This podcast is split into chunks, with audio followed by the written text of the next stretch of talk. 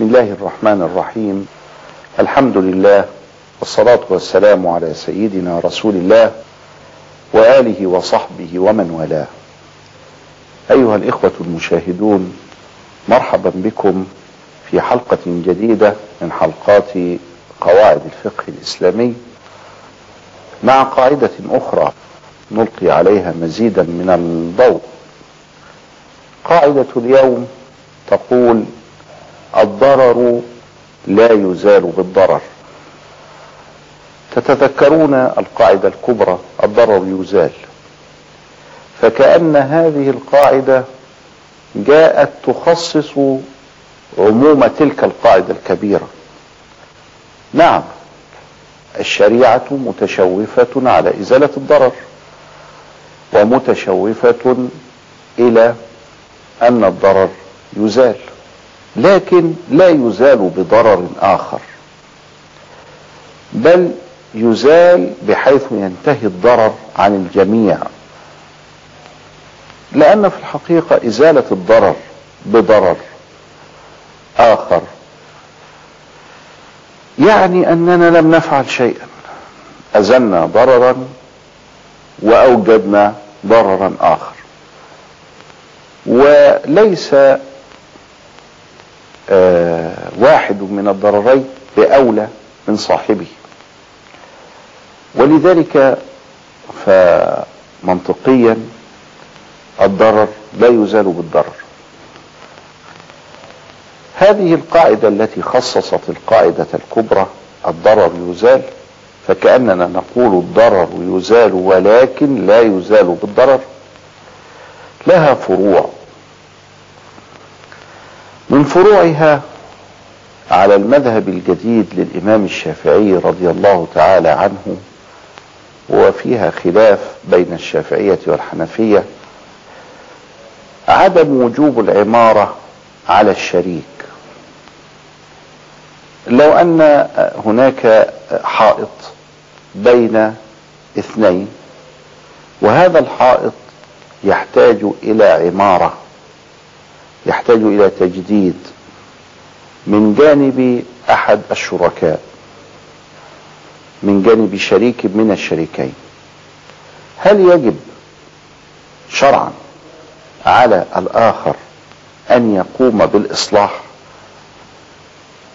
أو أن الشريك ليس عليه واجب في هذا ومن تضرر هو الذي عليه أن يقوم بتلك العمارة وأن يتحمل تكليفها. الشافعي في الجديد يقول بعدم وجوب العمارة على الشريك. هذه المسائل كثيرا ما نسأل عنها في قضايا الشركاء أو السكان خاصة في دورات المياه. التي كثيرا ما تحدث مشاكل في الأدوار المتعددة فيسألون هل عندما شاركته في السقف فأصبح هناك وجوب العمارة علي؟ أبو حنيفة يقول نعم. ينبغي أن يقوم الشريك بالاشتراك في التكلفة في الإصلاح. الشافعي يقول لا. مستدلا بهذه القاعدة أو جاريا بمعنى أصح هذه القاعدة على ذلك الفرع عدم وجوب العمارة على الشريك. فيها خلاف ولكن هذا فرع يصور لنا معنى القاعدة. أنا لا أريد أن أزيل الضرر الذي حدث لأحد الشركاء بضرر آخر يقع على عاتق ويوقع عبء على الشريك الآخر لأن الضرر لا يزال بالضرر. أيضا عدم إجبار الجار على وضع الجذوع على حائط جار وهذا يوجد في الريف عندما تتلاصق البيوت ويحتاج الجار لأن يضع الجذوع التي يسقف بها أسقف بيته على حائط الجار الآخر. فإننا لا نرغم هذا الجار على الموافقة فله أن يرفض لأن الضرر لا يزال بالضرر. فله أن يبني إذا حائط لنفسه ويضع عليه تلك الجذوع لا يأكل المضطر طعام مضطر آخر. لا يجوز أن أزيل ضرر نفسي وأوقع الضرر بالشخص المقابل. في كتب الفقه يقولون إلا أن يكون نبيا. ويتساءل بعض الناس ولما يذكرون هكذا في الفقه إلا أن يكون نبيا؟ في الحقيقة أنهم راعوا في ذلك الأحاديث التي وردت في نزول سيدنا المسيح عيسى بن مريم عليه وعلى نبينا الصلاة والسلام في آخر الزمان. فقد تواترت الأحاديث عن سيدنا رسول الله صلى الله عليه وسلم بنزول عيسى وأنه قد رفع إلى السماء بجسده العنصري وسوف ينزل في آخر الزمان حكما عدلا فيكسر الصليب ويقتل الخنزير ويرفض الجزية ويلقي الإسلام بجيرانه في الأرض. فالمسلمون ينتظرون نزول المسيح عليه السلام كما ثبت في السنة الصحيحة. من أجل ذلك نجد الفقهاء يكتبون في كتبهم مثل ذلك الفرع. لأن عيسى كما ورد في الآثار عندما ينزل ستكون هناك ملاحم كبيرة وقتال وسيكون وقت هو أشبه بوقت الضرورات. فإذا ما كان الإنسان المسلم مع عيسى في حالة اضطرار فإنه يفضل على نفسه ذلك النبي لأنه لا يفضل آه لا نستطيع تفضيل واحد على الآخر إلا إذا كان هذا الآخر نبيا ولذلك قالوا هذا الفرع.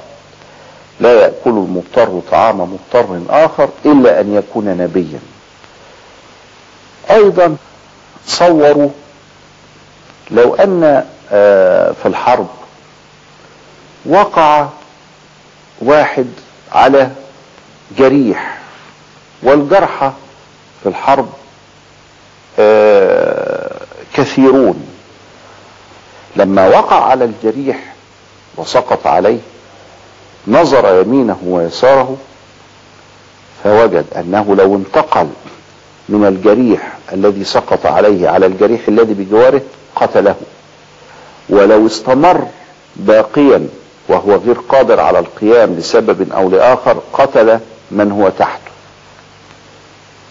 الضرر لا يزال بالضرر. الضرر الذي أصاب الله به ذلك ال ال الجريح آه الذي سقط عليه هذا الإنسان لا نزيله بضرر آخر وهو أن يتحول إلى آخر فيقتله. ولذلك اشترط الفقهاء هنا التكافؤ أن يكون الجريح هذا كفء لهذا الجريح الآخر. فإذا كان هناك تكافؤ بين الجريحين فإنه يستمر الفتوى أن يستمر على ما هو عليه لأن الضرر لا يزال بالضرر. متى يكون هذا الجريح؟ ليس بكفء لهذا الجريح. إذا كان هذا قائد المعركة أو كان الجريح الذي سقطت عليه هذا معه أسرار أو عنده خطة تنفع المسلمين أو بموته يضار المسلمون كثيرا والآخر لا واجب عليه الانتقال. لكن لو تساويا وتكافأ فالاستمرار أولى. الضرر لا يزال بالضرر. قاعدة متفرعة من الضرر يزال مع حلقة أخرى وإلى حلقة أخرى وإلى لقاء آخر. أستودعكم الله والسلام عليكم ورحمة الله وبركاته.